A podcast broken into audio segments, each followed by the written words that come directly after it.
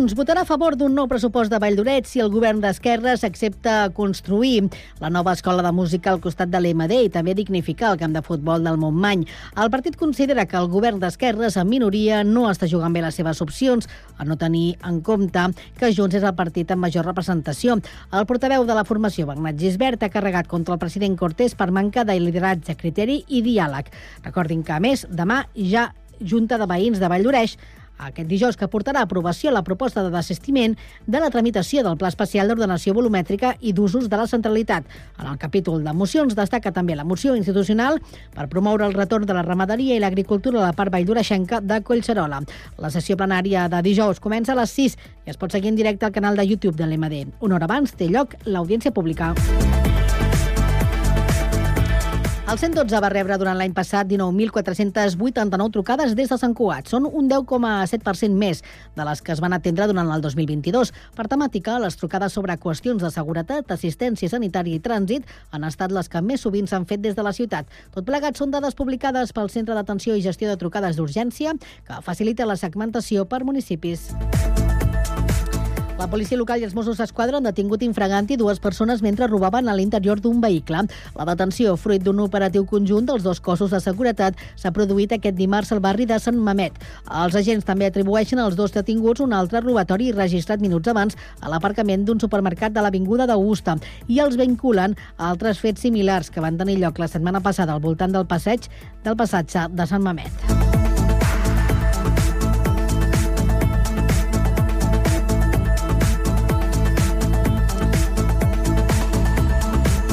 El Ministeri de Transports i Mobilitat Sostenible ha adjudicat per 744.000 euros el contracte de serveis per a la redacció de l'estudi informatiu de la nova connexió ferroviària de Rodalies entre el Vallès Occidental i el Vallès eh, Oriental. L'estudi, que haurà d'estar redactat en un termini de 30 mesos, consisteix en la definició i anàlisi de les alternatives tècniques que es puguin plantejar per a la connexió de les línies Barcelona-Sabadell-Terrassa, que és la R4, i la línia Papiol-Mollet, que és la R8, que és la que té parada, que s'han Cugat. El contracte, de fet, també inclou la realització d'un estudi de via viabilitat d'una nova estació a la línia R8 a Ripollet.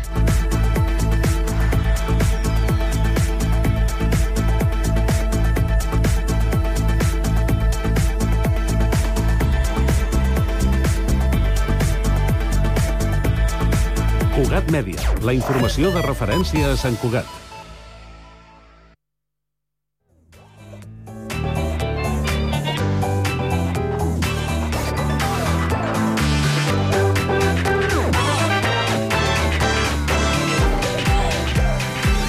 Amb Carme Reversa.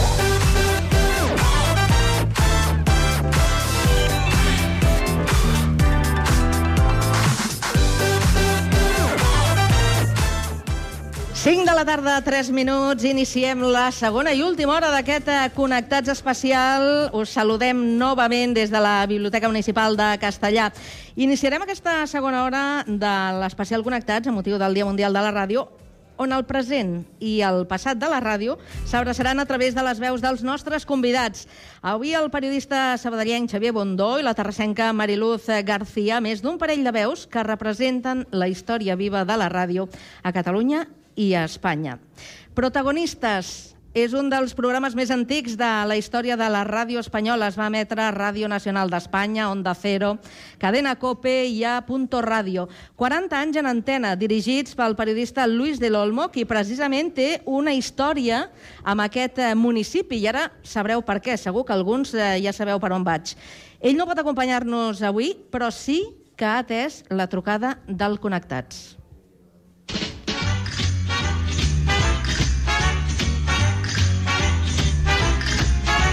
¿Tú te acuerdas de tu primer contacto con, con la radio? Primer contacto con la radio Asturias de Oviedo, con la radio en serio, ¿no? Eh, hace todo esto unos 40 años, en, la capital asturiana. Es el primer contacto en un programa de la mañana eh, que hacía con, con, dos queridas compañeras en la cadena SER. Ese fue un contacto en serio en, en la radio de mis amores. ¿Y cómo recuerdas tu, tus, tus inicios? Pues lo recuerdo con añoranza porque me gustaría tener otra vez pantalón corto y jugar con mis compañeros mientras iba de instituto y de Carrasco. a estudiar el bachiller. Esos son mis recuerdos de, no de mi infancia, de mi niñez, vamos. ¿eh? Pero ahora estoy a años luz de aquel tiempo y lo recuerdo con cariño y con respeto. Si te digo que celebramos los 100 años de la radio, ¿qué se te pasa por la cabeza? 100 años de radio, 100 años de radio.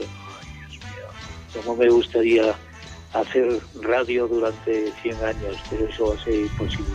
Carme, Pero estamos en una mayoría de edad y la radio también está en su mayoría de edad.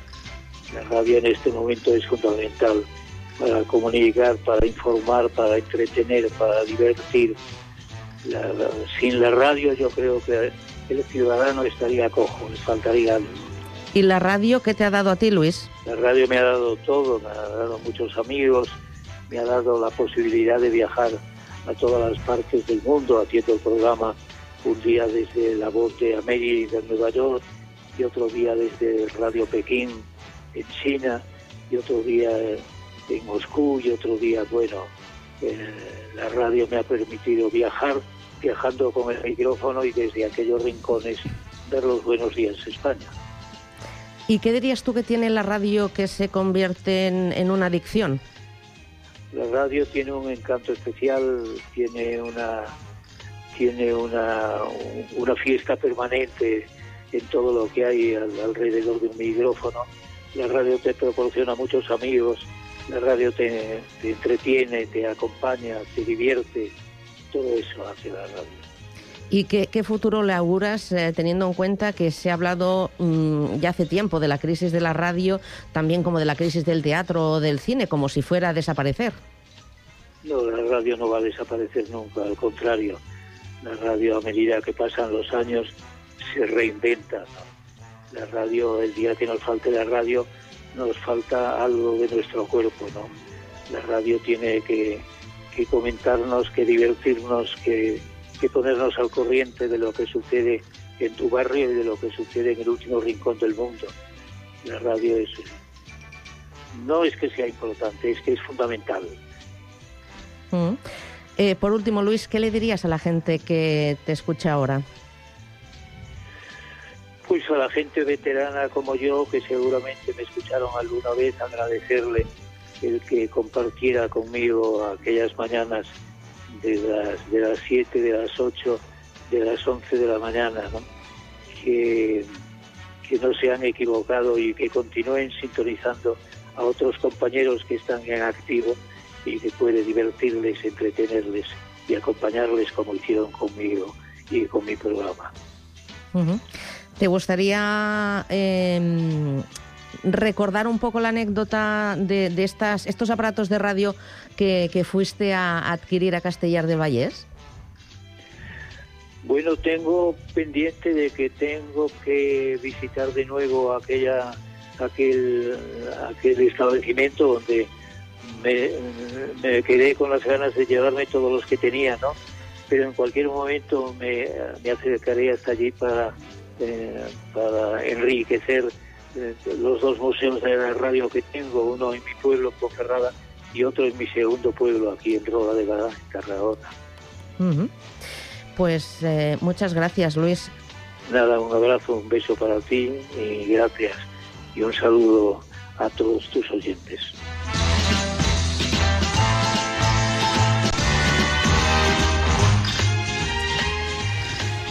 Avui l'ús de l'Olmo, eh, Julià, eh, potser el Gabilondo també, no? No, no, quin, quin nivell, eh? Gabilondo, Luis del Olmo, no sé. I el que vindrà després, déu nhi eh? Home, Primers espases. Les veus de, pri- primeres de la ràdio. espases, primeres espases i primeres espases de, de casa nostra, perquè el nostre següent convidat és un talent consolidat de la ràdio catalana i amb ell volem parlar d'alguns aspectes de la professió, com ara les relacions entre professionals o l'actitud i la manera de, de treballar. El Pau Duran ens el descriu amb unes primeres dades. Pau, bona tarda. Bona tarda, Carme. Doncs mira, és del 26 d'agost de 1984, nascut a Sabadell del carrer Gorrea, fill d'una mestra de la Divina Pastora i d'un economista. Té dues germanes grans que el feien servir de mascota. Va estudiar al Sant Nicolau, un fet capdalt per tenir el seu primer contacte radiofònic. Xavier Bundó i Buil, benvingut. Què tal? Bona tarda. Com estàs? Quina Molt content. veu. Ara et posem cara també, Sí, eh? home, sí. Eh, bueno, és una d'aquelles coses que, no sé si passa també, Carme, que eh, jo preferiria que la gent no posés cara, perquè és molt millor la veu, normalment, eh, però... No, perquè és allò que et diuen després... No, tu tens aquella frase de tens cara de ràdio. és una cosa que... Cap on anem? I llavors, bueno... Però sí, és molt agradable estar amb vosaltres. Es trenca una mica la màgia? Sí, sí, sí, jo crec que sí. No amb tu, eh? Però vull dir que... En general. Sí, jo sóc molt reaci. Eh, sé que he perdut aquesta batalla perquè ara les càmeres estan a tot arreu i, i tot són fotos i tot és Instagram i tot això. He perdut aquesta batalla, però sóc una mica una ànima antiga en això. O sigui, jo, jo prefereixo la, la imaginació que no pas la, no? El, el visualitzar exactament què és el que està passant en un estudi de ràdio. Exacte, exacte. Estaríem d'acord, totalment d'acord, que Sí, diria sí. l'altre José María. Completamente de acuerdo. Completamente de acuerdo. Eh, què et va passar al Sant Nico per acabar anant a la ràdio? Home, perquè que tenia una professora estupenda, Ah? eh, professora de castellà, eh, la, eh, que, que, que la seva parella estava, era el germà del eh, director de Mata de Pere Ràdio. I jo vaig acabar, en aquest cas, la, bueno, la, la, el batxillerat eh, i anava a apuntar-me... Bueno, apuntar-me, no? Ja, ja, estava, ja tenia plaça per anar a la facultat, de, en aquest cas, de comunicació i, i em va dir, per què no proves la ràdio? I dic, sí, sí, és que m'agradaria, però clar, Ràdio Sabadell és molt difícil perquè és molt professional la cosa i tal. I em va dir, vés a Matar de Pere Ràdio. I vaig conèixer l'Albert Beorlegui allà, que és el director encara actual, i em va canviar la vida. O sigui, un nano amb menys de 17 anys aquell estiu, eh, vaig entrar a un estudi, em vaig posar nerviós, vaig veure el llum vermell, vaig pensar això què és, eh, i em vaig enamorar d'allò, i, i fins avui. Albert Beorlegui, Sí. que va ser la primera persona Sí. a la que li vas oferir col·laborar amb tu el Via Sí, sí, sí, sí, és el primer que vaig pensar, clar. Eh, jo, d'alguna manera, no és un agraïment, eh, perquè jo considero que l'Albert és un professional enorme. Fa una ràdio meravellosa, i això la gent ho pot comprovar cada diumenge. Però el prim, la primera notícia que vaig tenir de... Van proposar fer un programa, la primera persona que li envia un missatge, o no sé si el vaig trucar, va ser I, la, l'Albert. I les masterclass que fa l'Albert Berlegui, sobretot història del cinema, aquí a Castellà Uf. el tenim molt sovint a l'aula. No, meravellós. Eh, fan unes conferències que omple. omple És un fort de eh? sèrie, l'Albert, la veritat. I, bona, I boníssima persona, que això és una de les coses. I fa un exercici extraordinari que jo crec que eh, el anem perdent, eh, sobretot les noves generacions, que és traslladar la- l'audiència, Mm. traslladar l'oient, qui hi ha a l'altra banda de l'aparell, allà on el vols portar. Sí. Fer aquest exercici Sí. eh, és complicat, eh? Sí, jo crec que, crec que la ràdio, eh, últimament, i no ho dic que sigui negatiu, però és així, eh, fem molta tertúlia, no? molt de conversa, molt de riure, molt de tal, que això està molt bé i jo ho defenso perquè jo ho faig molt, però ens, ens hem de permetre aquesta imaginació. Mm. Eh, L'Albert et trasllada d'un lloc a un altre, com feien abans molts professionals, com jo vaig aprendre, per exemple, de l'Àlex Gorina a Catalunya Ràdio, que amb una música, amb un efecte de so, automàticament et diuen "Agafa- t'aga- t'agafo de la mà, permetem, i et porto cap a algun lloc. I et porto on et diré jo que tu acabaràs de construir, però que més o menys eh, t'indicaré per on van els tiros. No? I nosaltres, per nosaltres és un carrer empedrat d'una ciutat desconeguda del nostre país, és el Basar de les Sorpreses, i allà és on passen coses, on passa màgia. Fantàstic. Després de Ràdio Mata de Pere va venir la universitat i Ràdio Sí. Sabadell. En aquesta altra emissora municipal vas fer esports i informatius. Sí. Sí, sí, eh, mira, m'ha fet gràcia perquè us venia escoltant i he sentit el Sergi Garcés, és la persona que em contracta, vull dir, eh, clar, els, els professionals ballesans per mi ho són tot. I el Beorlegui és el primer, el Sergi és el segon, eh, i em fitxa per fer esports, jo no valia per fer esports, però, però una mica d'experiència vam tenir, eh, jo els valoro moltíssim la gent d'esports perquè són els millors eh, improvisant, i es nota moltíssim després quan fan ràdio. I... Els millors periodistes sempre Oh. els trobes a les redaccions d'esport. Sí, no, Sempre. o sigui, són fora de sèrie. I Són la- polivalents. Polivalents, viuen amb passió, saben improvisar, saben treure punta de qualsevol situació. Jo els, bueno, estic enamorat de la gent d'esports, són, són boníssims. I amb qui d'aquella època que ara comentava el Pau t'ha retrobat després en el món professional? Amb una bona colla, no? Tothom. Sí, vam colonitzar RAC1, en aquest cas. La primera va ser la Laura Rossell. És que, si miro aquell informatiu, a mi m- m'atabala una mica, perquè hi va haver un moment eh, que l'informatiu del migdia el feia la Laura Rossell, jo era la segona veu, la tercera veu era el Xavi Pardo, que actualment està a RAC1 també, el podeu sentir els matins amb els butlletins, i a l'informatiu del migdia. Els esports el feia l'Eix Parisser, que és l'actual editor del Tu diràs, i alguns dels tècnics de so eren aquells, eh, els que hi ha a RAC1 ara mateix. No? Eh, és veritat que quan un obre la porta, que en aquest cas va ser la Laura, va tirar la, la, la patada, va tirar la porta a terra de RAC1 i va dir tots els de Sabadell, Que cap aquí, que vagin passant, no? Però si ens hem mantingut és perquè hi va haver-hi bon ull, però que és una gran escola. La de la ràdio local, jo sempre ho he defensat. Eh, crec que és el, un dels grans tresors del país és el que està passant en aquests moments ara. O sigui, que eh, diverses emissores us, eh, us heu posat d'acord per fer ràdio des del poble, des del carrer, amb aquesta aura de proximitat i amb aquesta passió que només passa en la ràdio local, que és en la ràdio que hi ha molta eh, que, que no treballes per diners, sinó que treballes per passió i per amor al mitjà, pff, això és la gran escola i és el gran tresor del país, des del punt de vista comunicatiu. I escolta una altra cosa, aquesta llegenda urbana, que no sé si és certa o Ai. no, que hi ha un grup de WhatsApp dels de Sabadell. Sí, bueno, ara ja es- crec que està una mica apagat. Eh? Ah. No, no, no Doncs, estic segur a veure si l'actives. Sí, no, no, és que, és que són molts, els de Sabadell són molt pesats. Eh, però crec que sí que hi havia un grup de WhatsApp i vam fer alguns dinars o alguns sopars i llavors ja va, de, cadascú va fer el seu camí. Però sí, ens fa molta gràcia. O sigui, si tu...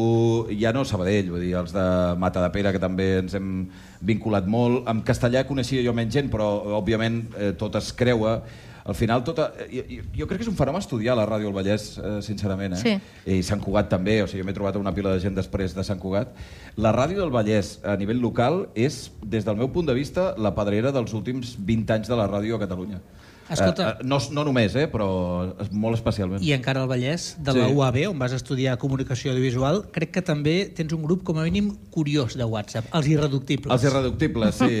bueno, eh, això ens ho va dir un profe. Un Que no, dia que, no, que no execrables, no? Sí, no, no són, però igual podria ser el mateix. Eh? ser, no? no, això era un profe que, eh, que, que, que feia literatura i estàvem al final de la classe un grup de 10 que som els que anàvem junts. Xavi, noms. Eh, Com es deia el profe? Mireia Isart, Albert No, Castellví... el profe, el profe. Ah, el profe. Albert Chillón, si no recordo Oh, el malament. Chillón. Chillón. I, De literatura, i clar, fent, de literatura. I, I fent honor al seu nom, eh, va dir els del fondo de la classe o aneu al bar a fu- el, no, els, els irreductibles del fondo, i va donar nom, eh, aneu a fumar porros al bar, però aquí es veia a escoltar, no?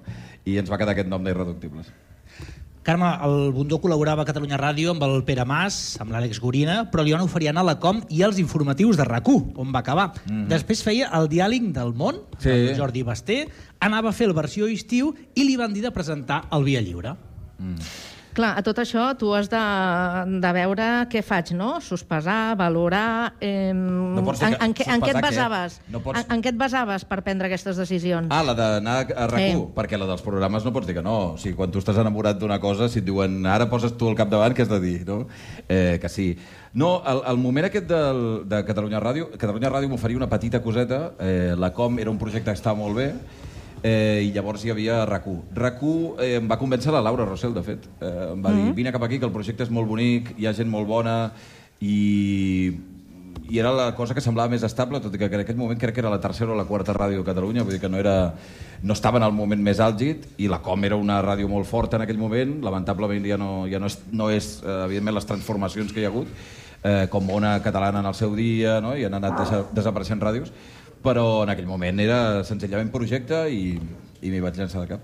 I escolta una cosa, el Basté va tenir alguna cosa a veure eh, amb- a la possibilitat o, o a la confirmació que tu agafessis el via lliure? Saps que crec que no? Crec que no. O sigui, el Basté era el meu jefe durant cinc anys, és un jefe molt exigent, eh, un cap molt, molt interessant i és la persona de qui més he, he après. Però l'Eduard Pujol, que era el director, és el que va dir donem-li l'ocasió de fer alguna cosa. I el Basté em va dir eh, t'he fet una putada, perquè li he dit a l'Eduard que no ho facis tu perquè no estàs preparat encara. Això m'ho va dir un estiu. I el següent estiu ja m'ho van donar. Però ell, era, eh, ell és molt generós en el sentit de deixar créixer, però també és molt reticent, perquè al final eh, tothom que treballa en un grup de gent no vol que li marxi a ningú. No? I al final, eh, en un entorn de ràdio que es lleva a les 4 del matí, que ha de ser una família, perquè si no és inaguantable, mm. eh, tenir una sèrie de gent que tens afinitats, que et funcionen i tal, ostres, eh, té un valor, no? Jo crec que ell no, no li venia de gust que jo marxés, però, però després, bueno... I com és la teva relació amb ell? Increïble. Que et tracta de diva. Sí, sí, sí, és eh? Un pesat, perquè sempre diu diva quan sap que la diva és ell, o sigui, les plomes les porta ell. Però no, jo crec que ho va fer a la contra, o sigui, em va posar el sobrenom aquest de diva per, perquè jo no li digués que ell era la diva, però ja està, ja m'ha quedat, no puc fer-hi res, eh, és això que fa el Basté. I escolta una cosa, el Marta Cailà, al Via Lliure, Sí. s'hi va passar 13 temporades. Sí, sí. Eh, Te'n falten poquetes? Sí, ja no me'n falten Per-. Sí? Les vas comptant? Les tens presents? O... No, tinc present que em porto 10 i això és, eh, hòstia, és molt bèstia. Eh, si m'ho haguessin dit no hagués pensat que estaven bojos. Eh, a mi m'encanta, eh, però, però... I sé que els projectes de ràdio quan funcionen són llargs i a llarg termini, eh, però hosti, m'arribes a dir que estaré 10 anys eh, fent un programa al cap de setmana a RAC1 amb, les, amb els resultats que estem tenint, eh, t'hagués dit que és impossible. A mi em va agafar una plorera el dia que, que marxava del món, me'n recordo que me'n vaig anar al sopar de final de temporada, super tranquil, i, i quan marxàvem, eh, començo a versar un per un i em fot una plorar i tots, oh, què et passa? I dic, cony, és que me'n vaig sol. és que m'heu deixat tirat. Eh, me'n vaig a un altre puesto, que ara què he de fer, no? I, I en aquell moment jo pensava que no ens en sortiríem i la veritat és que després pues, te'n te surts. A la ràdio, la ràdio és una cosa fantàstica que sempre surt. Eh, Sí. Encara que hi hagin problemes, encara que hi hagin dificultats, hi han, hi han hores per omplir i ràdio per fer i sempre acaba sortint. En aquests 10 anys que ara comentava, sempre has tingut eh, un sabadellenc eh, a la competència. Per exemple, Catalunya Ràdio, el cap de setmana, el, el suplement. Com es porta això? Bé, eh, home, eh, fa, fa il·lusió. O sigui, eh, jo la primera temporada hi havia Sílvia Coppola, la primera. Però la segona ja va venir el Ricardo Ostrell, que vam estar tres temporades competint, i després, des de llavors eh, fins ara, el, el Roger Escapa. I són dues persones amb qui havia coincidit o a Matadepera o a Ràdio Sabadell, llavors, clar, fa gràcia. I a més a més, eh, coneixent-los amb el talent que tenen, eh, encara em fa més, fa, em fa més il·lusió, perquè penso, ostres, mira que tots hem sortit més o menys del mateix lloc. Eh? Són més joves, tenen menys canes. Però, però bueno, eh, fa il·lusió, la. La mare diria que bé que ens han sortit aquestes criatures, Sí, eh? sí, sí, sí, sí. Satisfeta de tots. Sí, no, per això dic que crec que eh, s'hauria de fer un estudi eh, de la ràdio ballesana i la influència que té la ràdio catalana ara mateix. Pot ser que us hagin arribat a enviar un paquet a l'un a l'altre de ràdio, sí, oi? Sí, sí, al cap de setmana alguna vegada que nosaltres ens porten normalment a esmorzar i alguna vegada ha anat al suplement i llavors ens han dit "Ah, si voleu alguna cosa, truqueu. I dius, home, a veure... truqueu, porta'l cap aquí, lladre. Carme, el Bundó és tan enamorat de la ràdio Mm-hmm. que hi va trobar parella i tot. Sí, és veritat. Uh, en aquest cas a Catalunya Ràdio. La, la Sandra Novillo, que és la meva parella, en aquell moment era la productora d'Antoni Bassas al matí de Catalunya Ràdio, i vam coincidir un estiu i coses que passen. Eh, però he de dir que no, no és... Jo trobo que... És una feina tan de sonats. I La que ràdio? sa- Sí, home, de, de, gent, de gent tarada en general. No, no sé per què ho dius. Eh, que no estem, no estem bé. No estem, ho podem dir, no estem bé. Que les parelles radiofòniques funcionen perquè no ens aguanta ningú més. O sigui, si tu... Si Això tu... potser tens, tens part de Home, raó. si tinc raó, sí, sí, és que jo penso qualsevol altra professió, jo li expliqués les tonteries que arribo a fer i ja, ara te'n vas, ara no sé què, sí, sí, perquè he d'anar a la ràdio, com si fos la cosa més... I no entendrien res, em fotrien les maletes a la porta i ella, pobra, aguanta perquè, perquè sí. Perquè sa- sap de què va la sap de què història. va, sap la- l'excitació que ens agafa quan s'ha de ser a la ràdio, l'excitació que t'agafa quan eh, passa alguna cosa i l'has d'explicar, van sentir els companys de Badalona, no? Mm, no hi ha res, crec, comparable a la vida, a la vida, eh, dic, eh, que el moment en què hi ha una cosa que passa en un municipi petit o gran o no sé quantos, i et diuen, vamos, hem d'anar-ho a explicar, no? I et comença a pujar com una mena d'adrenalina espectacular i la ràdio en això és, és pura emoció, és, és imbatible. I la ràdio, que és un mitjà que tu comentaves, eh, potser haurien d'estudiar de, de, aquest fenomen de, del Vallès.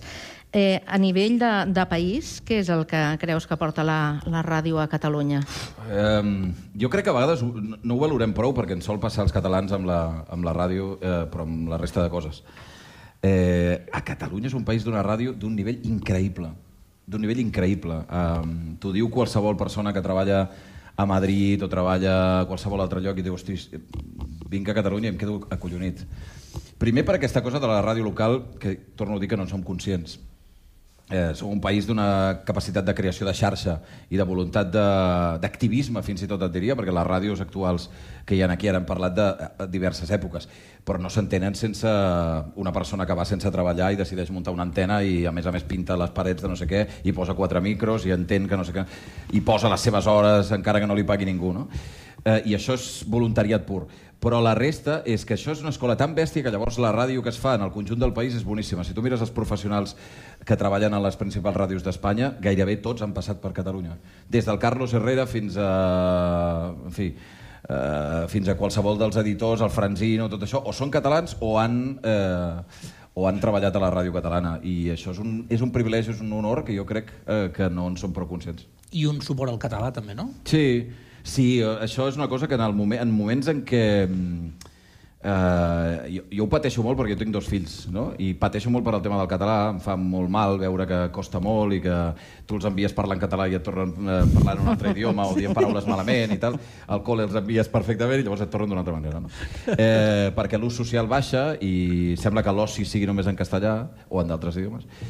Uh, I et trobes que la ràdio és just el contrari i veus que la principal emissora del país és en català i la segona és en català i la tercera és mig en català, mig en castellà i llavors que et vinguin amb històries de, que, de problemàtiques quan tenim un percentatge altíssim dels nostres oients que són castellanoparlants dius, hosti, sí, clar que és possible, eh, clar que és possible, no la televisió, la, la, la ràdio, la televisió, el cinema, eh, la literatura, la, el català és un idioma increïble com qualsevol altre. De fet, és, és tan increïble com la resta. I és tan vàlid com la resta. I això ho demostra que fem ràdio d'aquesta manera que tingui èxit. Eh, la, la qüestió no és la llengua, la qüestió és la, la passió que hi poses, o la qualitat, o el- l'esforç, no sé. No sé com dir-ho. I escolta'm una cosa, eh, no, no, no és la pregunta del guió. Ja t'he vist. ja m'has vist. Eh, no, et volia preguntar eh, si mm, et veus fent un altre programa diferent al que estàs fent ara, alguna cosa que et vingués molt de gust, què és, què és el que t'agradaria fer? Um, a veure, hi ha, hi ha dues coses. Una, el... és cert que quan tu portes 10 anys fent una cosa, d'entrada dius, ostres, eh, potser m'estic eh, quedant eh, atrapat en un lloc. No? A mi m'agrada molt el programa que faig, eh? i si no, no el faria, però igualment penses, hi ha una evolució cap a alguna direcció. Però és que és un programa, el que fem nosaltres, eh, que té perquè ho hem volgut nosaltres, eh? A vegades es deia abans que la ràdio al cap de setmana era una ràdio eh, soft i que no passava res i que havies de parlar de... no sé què havies de parlar. Deien de coses que no, que no importin gaire perquè la gent al cap de setmana no vol rotllos. Estic absolutament en contra d'això. Crec que la ràdio al cap de setmana és exactament igual que l'entre setmana, amb la diferència que tenim, primer, menys recursos, eh, menys gent, menys diners, eh, i potser tens una palet més de temps. I hi ha un cert aire que la gent té una miqueta més de paciència amb determinades coses. Uh, però per la resta és exactament igual. Jo ho he plantejat així des del dia uh, 1 de setembre del 2014 que vaig començar. Um, per mi la ràdio és exactament igual. Llavors, com que és, una, és, és, és un privilegi tan enorme fer un magazín de 7 hores cada dissabte i cada diumenge, mm, amb aquest nivell d'intensitat, uh, a vegades penses en buscar una altra cosa i dius, hosti, és que, és que, és que tinc molta sort, eh? Llavors, altres coses, jo em veig fent moltes altres coses, m'agradaria moltes altres coses, però el que, que és, trobo que és molt difícil que faci una altra cosa semblant a aquesta que em doni aquest nivell de llibertat, de tocar pals diferents, a més que jo m'avorreixo fent una sola cosa. Llavors, és un programa que comença a les 7 d'una manera, que llavors a les 8 passa a ser un informatiu, a les 9 és una tertúlia, després hi ha seccions, hi ha entrevistes amb gent interessant eh, o no interessant, o el que sigui. Hi ha actualitat, hi ha informació, hi ha entreteniment. On trobaré això? Mm -hmm. I aquesta és la pregunta que em faig sempre. Llavors, eh, El Connectats? doncs mira, per què no? Clar que sí. Clar que El sí. Connectats. Vols eh, rematar, Pau? Vinga, el, justament ara, si t'has fixat, el Xavi parlava una mica dels grups humans. De fet, ell reivindica el fet de, de ser bona persona. Ah, de sí? fet, Jo he reivindicat això? Jo t'ho he sentit A mi m'ho han diverses dit. A, vegades. a, no, i a mi, i a mi m'ho han dit, Però eh? cap No, però- no? Posaré un exemple. Soc bona persona. No, reivindiques el fet de ser-ho? Sí. Jo crec que també ho ets, però això ja t'ho Bueno, bueno, faràs no, no. tu. Però posaré un exemple, que a més està demostrat. A la Festa Major de Sabadell, Sí. quan va ser el pregó amb el Ricard Ostrell, el Sí. 2016, tu vas lluar la feina de les entitats que treballaven pels més desafavorits. Sí, eh, que clar, però no es pot, és que no, no m'imagino ser d'una altra manera. Uh, vull dir, que com no has de lluar a la gent que fa coses per la, per la comunitat, com no has de lluar a la bona gent, és que és una mica absurd, si no... Eh, eh, clar que defenso que la, la gent bona és important i ara si us centréssiu en una professió com la nostra... A veure, eh, eh, vaig ràpid, eh, he d'acabar ja, eh? No, no, no, és que el Julià també vol Ah, intervenir. Vale. Sí, però, però no, acomiada, acomiada el Xavi. És el, volia agafar el Ah. fil del Luis de l'Olmo. D'acord.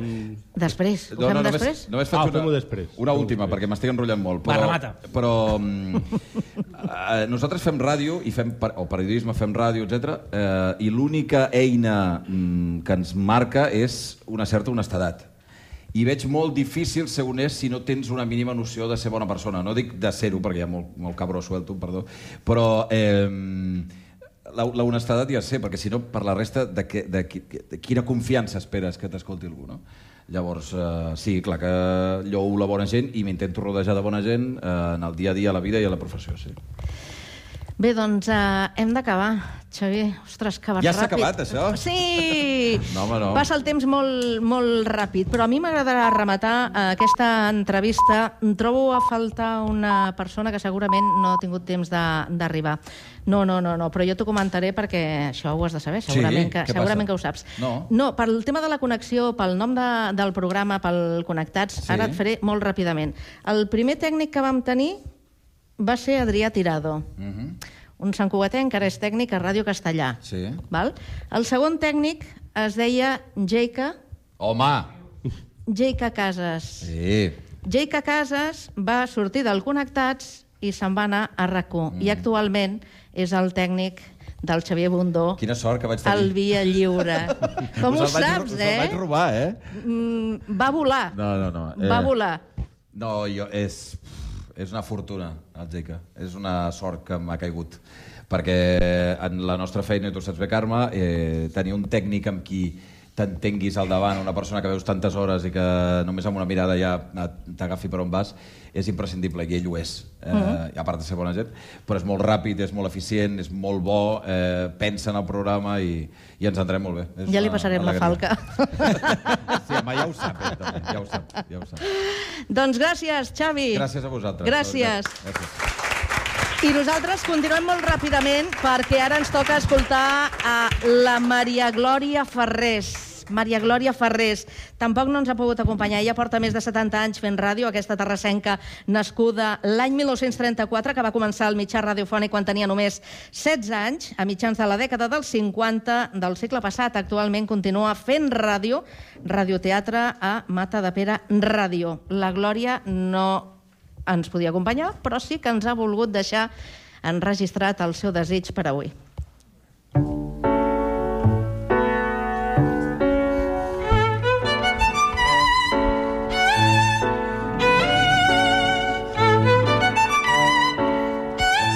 És gratificant per mi veure que al pas dels anys la ràdio segueix molt vital.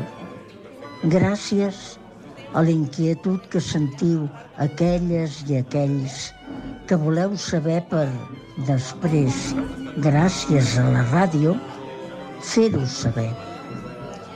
És la mateixa inquietud que un dia se'm va despertar a mi i d'això ja fa 75 anys. La ràdio m'ha fet sentir la satisfacció de saber que podia comunicar-me amb qui ni coneixia, però que mereixia tota la meva atenció i el meu respecte. L'oient. I això ha sigut el que més ha motivat el meu pas per la ràdio. Quan als anys 50 vaig conèixer aquest mitjà, va ser per donar veu a un petitíssim personatge de radioteatre. Avui, després d'haver-lo conegut a fons i portant ja l'experiència de molts anys de vida, puc dir que la ràdio m'ho ha donat tot i continua donant-me motiu per seguir endavant. Allò que un dia em va enlluernar, avui em permet encara tenir un grup de persones que, només amb la veu, donen vida als personatges d'una obra de teatre. Vull aprofitar aquest moment que se'm dona com un regal preciós per dir mireu, veient com ha evolucionat la ràdio des de que jo era una noia desitjosa de saber fins ara, confio plenament en la motivació que us mou a totes i a tots quan esteu davant del micròfon. I allò que esteu dient segur que arribarà a qui escolti mitjançant la màgia de les zones que, puc assegurar, porten una certa addicció. Continuem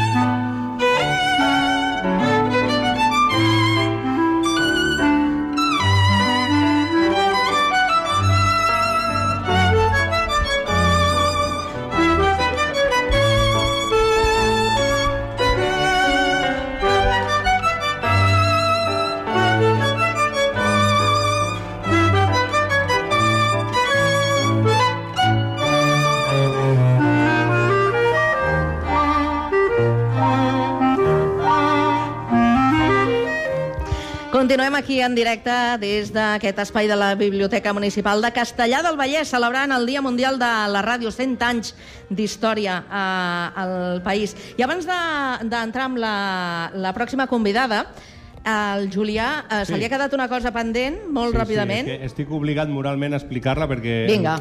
Quan he sentit la teva entrevista al Luis de l'Olmo i que ell se'n recordava perfectament de quan va venir a Castellà a mirar-se aquelles ràdios antigues i que tenia pendent una visita tant de Bovingui perquè l'altra vegada que va venir es va generar bastant rebombori, va sortir, venia amb un cotxe, amb el seu xofer, tot de nens al seu voltant, fotos, realment va ser un esdeveniment. I és veritat que hi havia una persona, i l'hem de dir, per això m'agrada aquest, aquest programa poder dir-ho, que és el Francesc Soto, que era aquest col·leccionista de ràdios, aquest castellarenc que va col·leccionar durant molts anys ràdios i tenia des dels anys 30 cap endavant, doncs una mica doncs, li va salvar una mica la col·lecció de ràdios al Lluís, li va comprar, tot i que el Lluís en tenia moltíssimes, té, dos museus, imagina't, i va ser una de les persones que una miqueta doncs, va poder salvar aquestes ràdios que no tenien un espai físic on, perquè la idea del Francesc Soto era potser fer un museu però potser era una, una idea excessivament ambiciosa al final va anar disgregant aquesta col·lecció i el Francesc m'ha demanat que ho digui que Luis de l'Olmo en part li va fer un favor comprar-li algunes d'aquestes ràdios. Doncs més, que, aquestes- Que consti en, En acte.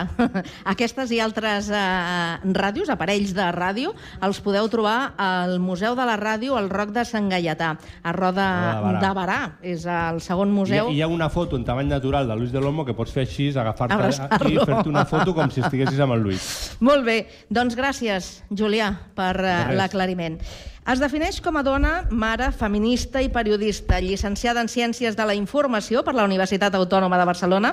Va començar als 22 anys amb una beca a Catalunya Ràdio. Més tard va continuar uh, per la cadena 13, va participar en l'emissora de Ràdio Terrassa Cervellès, desenvolupant tasques informatives. Anys després va formar part dels serveis informatius de la nova emissora municipal de Terrassa, sent cap d'informatius. Actualment és una de les veus del trànsit a Catalunya Informació. Mariluz eh, García, què tal? Bona tarda. Bona tarda. Benvinguda. Em sembla que tinc el micro una mica... Lluny? A part... Lluny, pot ser? No, o jo em crec que sento- està- et està sento, bé. Et sento tu més fort, deu ser que tens més empenta perquè ja portes estona. Això és que anem com a motos avui, eh? Deu ser així. eh Mariluz, explica'ns quin és el teu primer record de, de la ràdio. Doncs el primer record és que mm, em van donar una beca a Catalunya Ràdio, que va ser una cosa que em va sorprendre. Jo sempre vaig entrar a la facultat de periodisme perquè quan era, vaig aprendre a llegir i escriure molt petita i, i m'agradava molt llegir i escriure i també des de petita a casa meva hi havia un gran interès per la política arran de les activitats de la meva família, que era una família antifranquista, i quan jo tenia com 12 anys, que això devia ser principis del 79 segurament, el meu pare em diu doncs tu hauries de ser periodista. Segur que se n'ha penedit mil vegades, o més de mil vegades, perquè després, evidentment, ja saps com és aquesta professió. Doncs precisament et volia preguntar per d'on et ve la, la vocació, per si tenies algun familiar, No, per si... cap no? ni un. Ca- I va cap- ser el teu pare que et va... Va ser el meu pare que va tenir aquesta idea quan jo feia vuitè de primària, que aleshores encara es feia EGB, Mm. i, eh, i era vuitè de primària, amb 12-13 anys, i em va dir, a tu t'hauria d'agradar ser periodista. I vaig pensar, esclar, és, és el que inclou tot allò que m'agrada, llegir, escriure i, i, la, i la política, i l'actualitat en general. Vaig fer el batxillerat, el COU d'aleshores, la, tota, la, tota la facultat, i quan vaig demanar la beca a, a final de, de cinquè, doncs quina va ser la meva sorpresa quan em van agafar per fer la beca a Catalunya Ràdio. I el motiu era perquè tenia molt bona nota en català i perquè també tenia bona nota en l'assignatura de ràdio. Però... Van, o sigui, va ser totalment accidental. Bé, O sigui, la la la, la, vida, la vida té això, eh? La, me la meva idea de tota la vida, mm, quan estudiava al batxillerat i, a la, i als 5 anys d'universitat, la idea era treballar en un diari o en algun mitjà escrit. Després, en 35 anys, només ho he fet dos mesos i no em va agradar. La premsa escrita no t'ha agradat? O sigui, només ho vaig provar aquesta vegada i potser perquè ja havia provat la ràdio i aleshores ja portava la droga de la ràdio a les venes i ja la, la premsa em va semblar que era que es tardava massa a dir les notícies, que jo no podia tenir una notícia a primera hora del matí i esperar-me a dir-la a l'hora de tancament del vespre i vés a saber si mentrestant algú l'estava dient. O sigui, allò em va crear una angoixa terrible i jo... O sigui que la ràdio et va atrapar. Sí, sí, la ràdio... O sigui, la ràdio em va venir per accident i em va seduir. Com a molts, eh? Sí. Eh, quins eren els teus referents eh, dins del món del periodisme? Perquè tu ja dius, és que tenia molt clar que em volia dedicar a això.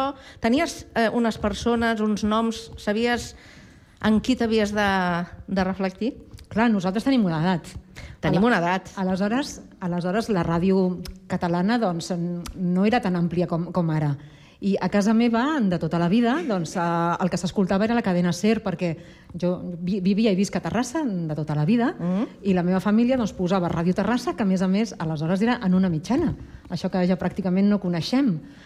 I es posava Ràdio Terrassa, i aleshores, clar, de, per escoltar les notícies de Terrassa, i després sortia la cadena SER. I aleshores els meus referents d'aleshores eren... Perquè jo no tenia int- intenció de treballar a la ràdio, els meus referents d'aleshores del que escoltava a la ràdio era quan a casa, que hi havia una sola ràdio, com passava aleshores als anys 80, doncs eren referents com Iñaki Gabilondo i alguns grossos d'aquests. L'heu sentit? Acaba de sortir el nom d'Iñaki Gabilondo. No vull ser pesada, eh? però és el nostre pròxim objectiu Home, doncs... per aquest programa. Avui hem escoltat el, Vinga. el Luis de l'Olmo. Ens falta l'Iñaki Gabilondo i així completem el pack, eh? Sí, sí. Clar, després quan vaig treballar a Ràdio Terrassa, que era una emissora, la, la privada, la que ja no existeix, ja, eh, lamentablement, però que ara tin, també tindria prop de 100 anys, si existís. Doncs mm. clar, aquella era, aquella era l'emissora que jo escoltava i que estava associada a la cadena SER, jo era molt joveneta quan hi vaig entrar, uns 23 anys així, i clar, quan alguna vegada ens trucaven aquests referents, clar, era com, era, era com un xoc. Eren paraules majors, eh? Eren paraules majors, recordo eh, ja el, de, el desaparegut Carlos Llamas, no sé si te'n sí, recordes, sí. de la cadena Sí, Hora SER, 25. Hora 25, Mhm. que jo tenia com 24-25 anys quan des de Ràdio Terrassa, un dia d'eleccions catalanes, vam donar una exclusiva molt bona que la Policia Nacional de Terrassa havia fet una operació molt grossa a nivell de tota Espanya, d'una gran aprehensió de cocaïna, i nosaltres estàvem donant la primícia. I aleshores eh, entràvem per tota la cadena SER. I quan em va trucar, dic, digui'm, i diu, hola, soy Carlos Llamas. Pom! es va quedar espaterrada. és de, clar, és d'aquelles coses que, que recordes de, de quan ets molt jove. Però clar, quan, quan vaig fer la beca, per exemple, a Catalunya Ràdio, que va ser la primera experiència, clar, aleshores encara hi havia el mestre Cuní. Era qui presentava el matí de Catalunya Ràdio aleshores. Clar, clar. Perquè va ser el primer dels presentadors. I tu que, era el, que era el matí amb Josep Cuní, no era el matí de Catalunya Ràdio. Exacte, exacte. Era el matí amb Josep Cuní. Imagina't si tenia força. I tant. Eh?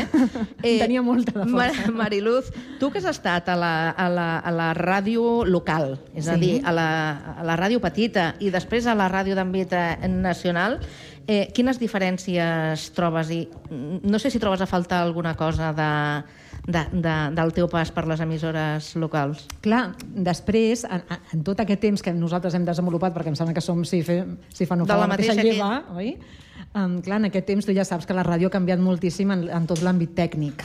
Ah. La diferència Saps- tècnica saps què? Ah, i de perdona que mitjans t'interromp- és espectacular. Som, eh, com diríem, a, a frontissa. Som Sí. una generació frontissa Sí. que hem, hem anat eh, superant tots aquests canvis, no? De l'analògic al, al digital. Esclar, aleshores, clar, quan passes en el, temps, en el moment que jo vaig passar, just el primer dilluns del 2000, per això me'n recordaré sempre, era el 3 de gener del 2000, quan em van agafar a Catalunya Ràdio després d'haver passat les oposicions. Uh, doncs, uh, clar, el canvi era tremendo, perquè, clar, passaves d'un mitjà amb pocs mitjans tècnics a, i, i humans i de tot, a de cop un mitjà molt gros. Però, a més a més, clar, després, al cap de pocs anys, també va ser la revolució de l'arribada d'internet. I crec que fins i tot hi ha més diferència arran de l'arribada d'internet Sí. que la, la diferència entre mitjà local i mitjà nacional. I això que aleshores la diferència entre tots dos mitjans era abismal. Perquè en un mitjà local, tu ja ho saps, estàs tot el dia a peu de carrer. O si no, tot el dia amb el telèfon a la mà parlant directament amb la gent. I amb, a les emissores nacionals, clar, és més fàcil que hi hagi algunes persones, o com a mínim que en alguns moments t'estiguis a la redacció redactant notícies o agafant talls de veu per telèfon, entrevistes per telèfon, uh, i que et belluguis menys. En canvi, a la ràdio o a la televisió municipal que jo vaig fer, era tot el dia al carrer, arribar a sortir a cobrir cinc notícies, fer cinc entrevistes al carrer, sense parar, i després arribar... I sense mòbil. No existia el telèfon mòbil. Ojo, Compte, sí que existia el telèfon mòbil. zapatot era una cosa existia així un de- telèfon mòbil que era així, era co- com el meu bolso ara- d'ara, Sí. així i així, que en teníem un a Ràdio Terrassa i el teníem perquè pertanyíem a la cadena SER i, per tant, de vegades el teníem sobretot de cara als esports perquè ells al cap de setmana entraven al carrusel deportivo. Mm -hmm. I aleshores, quan hi havia la unitat mòbil, una única, i una altra persona que entrava amb el telèfon mòbil. En aquella època, que d'això fa més de 30 anys, aquell telèfon valia 500.000 pessetes, que ara serien en euros 3.000 euros, però que, clar, de fa 30 anys, o sigui, seria com 10.000 euros o molt més. I això ho portàvem nosaltres a sobre. Recordo portar-lo una vegada i la responsabilitat tan tremenda que tenia portant això i que fins i tot una persona, una autoritat molt important que hi havia en l'acte que jo estava cobrint, em va demanar el telèfon perquè les autoritats locals no tenien telèfon. És que allò era any 91-92 i no existien els telèfons ni... O sigui, allò només en tenien els ministres, el rei, el, el president del govern, I els periodistes guais. però, les, però quan, estic, quan estic parlant d'any 91-92 no en tenien gairebé ni els periodistes guais. Estem parlant dels Jocs Olímpics, eh? Sí, sí. El 92, que sembla que va ser ahir, Ahir. i que la modernitat... Però això ja ha quedat molt desfasat. Absolutament. Ha quedat molt desfasat. Absolutament. O sigui, jo recordo veure aquelles persones, ara em passa tot sovint, que clar, hi ha moltes persones a Catalunya Ràdio que no són tan joves, que potser porten 10 anys treballant i gairebé podrien ser els meus fills, perquè tenen 30 i pico d'anys. Jo en tinc 57. Aleshores, uh, clar, aquesta... Uh, els dic això, jo, jo, clar, fa 25 anys feia això, tal, que... I queden garrativats i dic, clar, és que jo soc molt, és que soc molt gran. I aleshores sempre, sempre, sempre me'n recordo de quan els grans referents d'aleshores, com quan jo vaig entrar a Ràdio Terrassa, el Paco Plaza. Segur Paco que el Plaza. coneixeu. Sí. Que era aleshores el gran referent de la ràdio a Terrassa, que feia un programa de flamenco, que em sembla que es deia Flamenqueando, crec. Uh, Jo no, no t'ho sé dir, però tenia, sí tenia una audiència espectacular. Sorties amb ell al carrer i et venien 100 senyores i nenes. Ell era un senyor de 40 i pico d'anys i et venien 100 senyores i se't tiraven a sobre perquè anaves amb ell. Doncs clar, ell explicava aquestes coses. Ai, clar, quan jo era jove i fèiem allò, i clar, com ara els joves feia això. Clar, i jo ara em veig fent això. I dius, ostres. Com ha passat el mare temps. meva, com ha passat el temps. Escolta, Mariluz, acabem. Eh, què t'agradaria fer que no has pogut fer encara dins de la teva professió? La veritat és que he fet moltes coses, eh? Però sí que m'agradaria presentar alguna cosa a Catalunya Ràdio, per què no? Sí? Com què? Quin Per tipus no? de programa? O sigui, clar, allà a Catalunya, a les emissores de la Generalitat, Catalunya Ràdio, TV3, que ara som 3CAT. Sí. Plataforma. Per, per, perdó, per la, perdó per la publicitat gratuïta. Doncs, uh, clar, són moltíssima gent i aleshores, clar, per, tothom està preparat per presentar alguna cosa. I jo em trobo això, que ara la persona que presenta el Matí de Catalunya Ràdio, que és el programa on jo parlo de la informació del trànsit, doncs té com 25 anys menys que jo, gairebé podria ser el meu fill. És clar, però clar, és una persona que potser porta 15 anys treballant a la ràdio, perquè va començar molt jove, el, Ri- el Ricard Ostrell. Aleshores, doncs, sí que, sí que m'a- m'agradaria, com, com a somni, en algun moment, poder presentar algun programa. Per exemple, ara tenim un programa sobre qüestions de dones que es diu Les dones i els dies. No vull dir que li vulgui prendre la feina a aquesta companya i aquest programa diari, però per què no fer alguna cosa semblant? Perquè jo crec que les dones històricament a la ràdio hem estat eh, molt arraconades. Se'ns ha fet servir molt sovint com a veu agradable. Recordo una vegada que un d'aquests eh, antiquíssims va anar a una reunió grossíssima de cadena SER i va tornar dient les dones no teniu futur a la ràdio, perquè m'han dit en aquesta gran trobada de la cadena SER que les veus femenines no tenen credibilitat. Vaja. De, La van... fer- No sé, no la van encertar. D'això deu fer més de 30 anys i em sembla que, no sé, tantes dones com hi ha actualment de referents a les ràdios catalanes i espanyoles, em sembla que no ho van encertar gaire.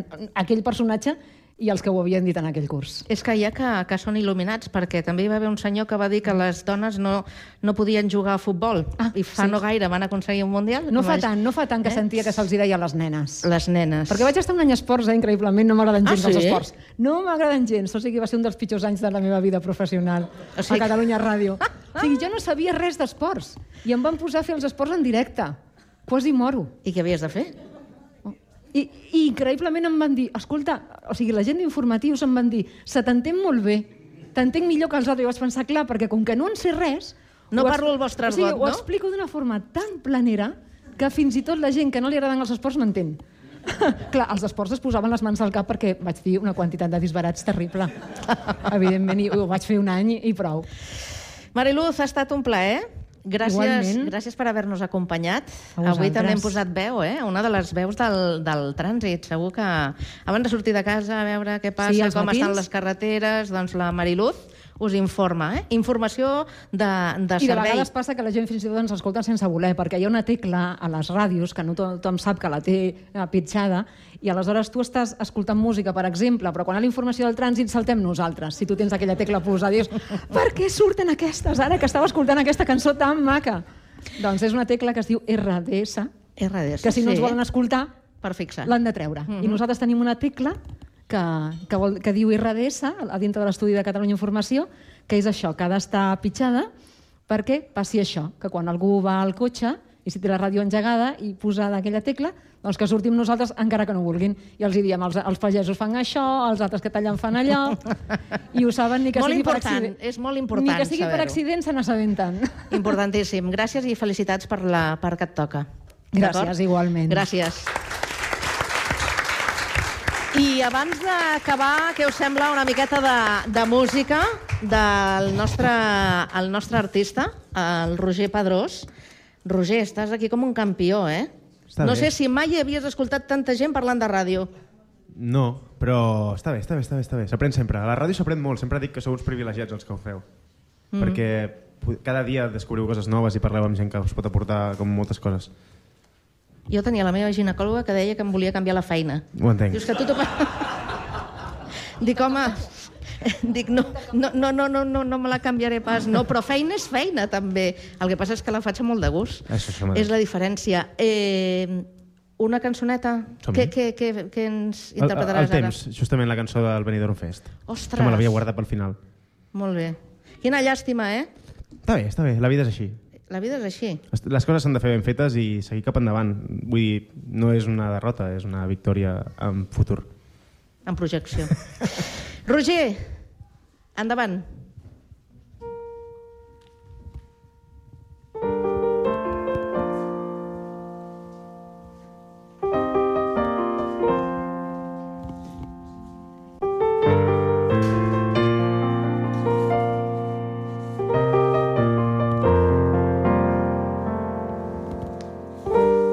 Com el temps ens torna així Quan tot pot ser més senzill. Perquè la vida ens porta aquí? Si abans tot estava bé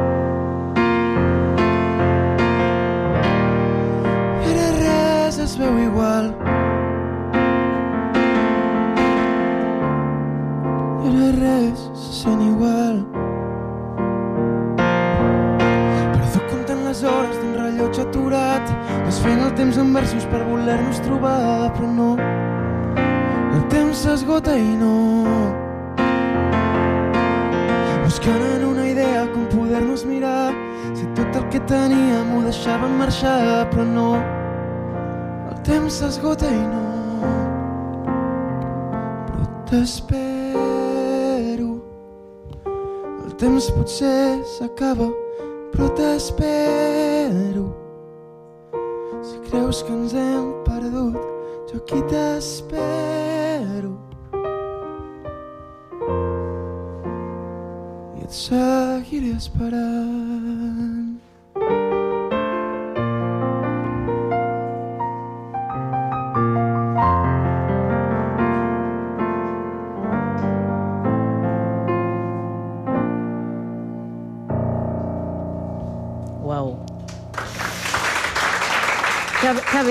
Que bé que ha sonat, Roger.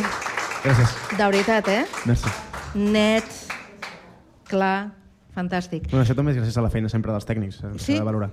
Sí, sí, sí, sí, la veritat és que sí. Jaume, eh, ens queden res, uns minutets. Eh, minut i resultat del públic, impressions, un pim-pam, Sí, a jo- veure què tal, amb què s'han quedat. Sí, jo volia donar el pa... Bueno, no, a- fa poc que estan aquí, però han passat, són alumnes de l'Autònoma, fent Ah. un programa de ràdio castellà, i jo, com igual que el Roger Bundó, també vam passar per... No sé, heu tingut l'Albert Xillón? Sí, el, ha vingut l'entrevistat que hem fet a la tarda, també hi va estar, i ell està treballant a la Ràdio Punteres. No sé vosaltres com us preneu la vostra feina a Ràdio Castellà, fent el programa de Castellà Z. Nosaltres estem encantats. Justament abans estàvem comentant que, que és un lloc eh, de desconnexió, d'estar... Bueno, tots som amics, ens hem conegut a l'Autònom uns quants, nosaltres ja ens coneixíem de castellà, eh, i és una estona de parlar amb algú, de lo que tu deies també de pues, descobrir coses noves, altres punts de vista, de gent que té la nostra edat o gent que és una mica més gran, sobretot artistes, però això, gent que, que ens aporta molt. No sé si voleu dir alguna cosa. Tu vols dir alguna cosa? Bueno, sí, que es, està bé que eh, els, joves, els joves ens hagin donat eh, com un espai per poder pues, dir el, el que pensem, les nostres opinions i també donar veu pues, a artistes o, o gent que està fent projectes també joves que a vegades sí que són una mica més valorats per eh, el fet de ser joves. Llavors trobo que és també important i agraeixo també molt que se'ns fa, faci, se faci partíceps de, de tot això. Últim minut i hem d'acomiadar. Quina llàstima, és que estaríem aquí tota la tarda. Ha passat molt ràpid, ha sigut superàgil, hem parlat amb moltíssima gent, ha sigut estupendo. La ràdio Fantàstic. està realment molt viva, eh? i avui ho hem vist en directe, que això és, és un no parar, i, i ostres, sempre es fa curta. Té aquesta, té aquesta, no sé si jo fa poc que estic aquí, té aquesta vocació, la ràdio, de ser breu, de ser fugaç, de deixar-te amb ganes de més. No sé. T'atrapa. No te- I com els hem atrapat a tots avui, els esperem demà, en una versió ja més normaleta, eh? La versió de, de dijous de, del Connectats. A tots els que ens heu acompanyat aquí en directe, els que ho hem fet eh, des de casa, des d'allà on sigui, o si ens escolteu més tard eh, en diferit, moltíssimes gràcies per haver-nos acompanyat. Gràcies a tot l'equip, gràcies als tècnics, als redactors, al públic, a la casa i a Castellà del Vallès. Avui ho hem fet des d'aquí, des de la Biblioteca Municipal. Una salutació, gràcies i una abraçada a tots.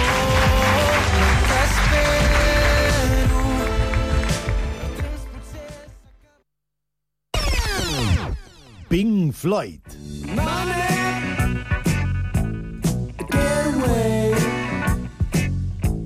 Queen.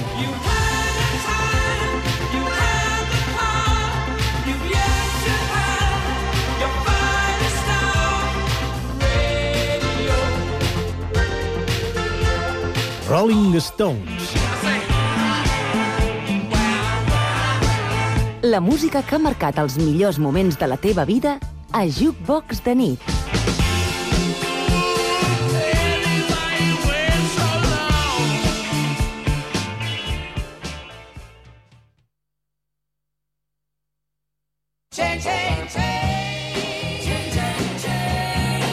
La música que ha marcat els millors moments de la teva vida a Jukebox de nit. La coneixes? Quin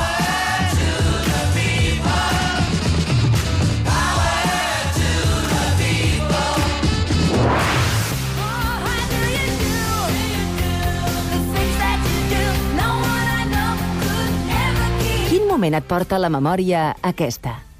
Jukebox de nit.